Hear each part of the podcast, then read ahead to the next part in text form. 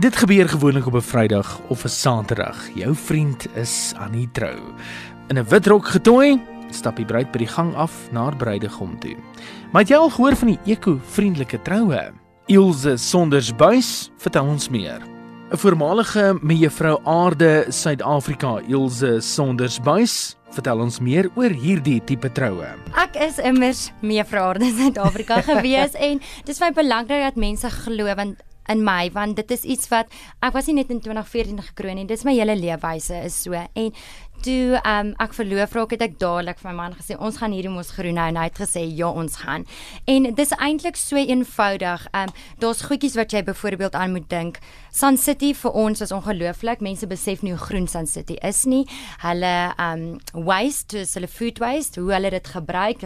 Dis 'n zero to landfill so hulle hanteer hulle eie waste. Hulle water gebruik wat van die water byvoorbeeld na die golfbane toe gaan so hulle het 'n goeie water um agtergrond ook met elektri elektrisiteit. So met my al my gaste wat daar is, het ek geweet by my troue gaan almal in 'n mate spaar my trou het ek het minder krag verbruik, ek het buite getrou in die oop lug.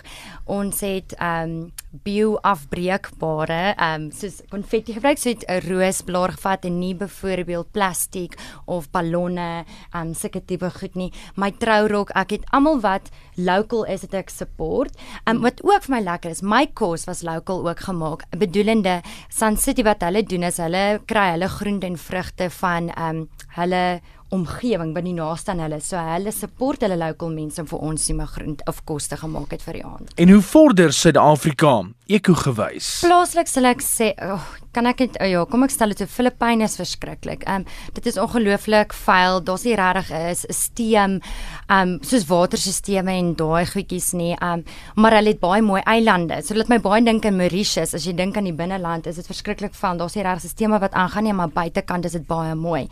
In Suid-Afrika ehm um, voel ek tog ehm um, ek sê altyd daar's 'n behoeftebepaling in elke omgewing. Dit help nie ek gaan praat in Soweto byvoorbeeld oor waterbesparing as hulle nie eens water het wat tot by hulle huis kom nie. Ja. Dan is dit eerder iets wat ek wil aanspreek en sê, weet jy wat, kom ek help julle om groentetuine te plant of kom ons kry 'n water ehm um, suiwerer stelsel of iets in plek om hulle daarmee te help.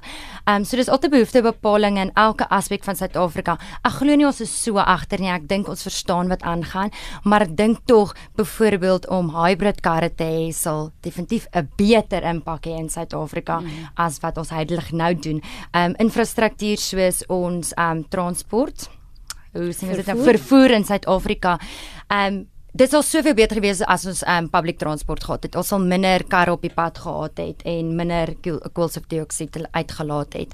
En nog 'n um ding wat ook gebeur is wat mense nie verstaan nie of nie verstaan nie. Ek dink hulle besef nie dat beeste ongelooflike um koolstofdioksied uitlaat en um ja, so dis hoekom mense ook probeer sê op 'n maandag moet jy probeer meat free Monday doen want um hoender byvoorbeeld gee minder 'n minder impak as wat beeste doen. So daar's dis jy moet eintlik net gaan Google en gaan oplees. Daar's sulke feite wat mens kan uitwerk in. Daar's ook um statistieke wat wys as jy byvoorbeeld nie op 'n maandag vleis eet nie, hoeveel um bespaar jy die die die omgewing. Mm. En um vir my is dit altyd so interessant om daag te sien mense moet dit gaan oplees en verstaan en dit dalk gebruik in jou daaglikse lewe.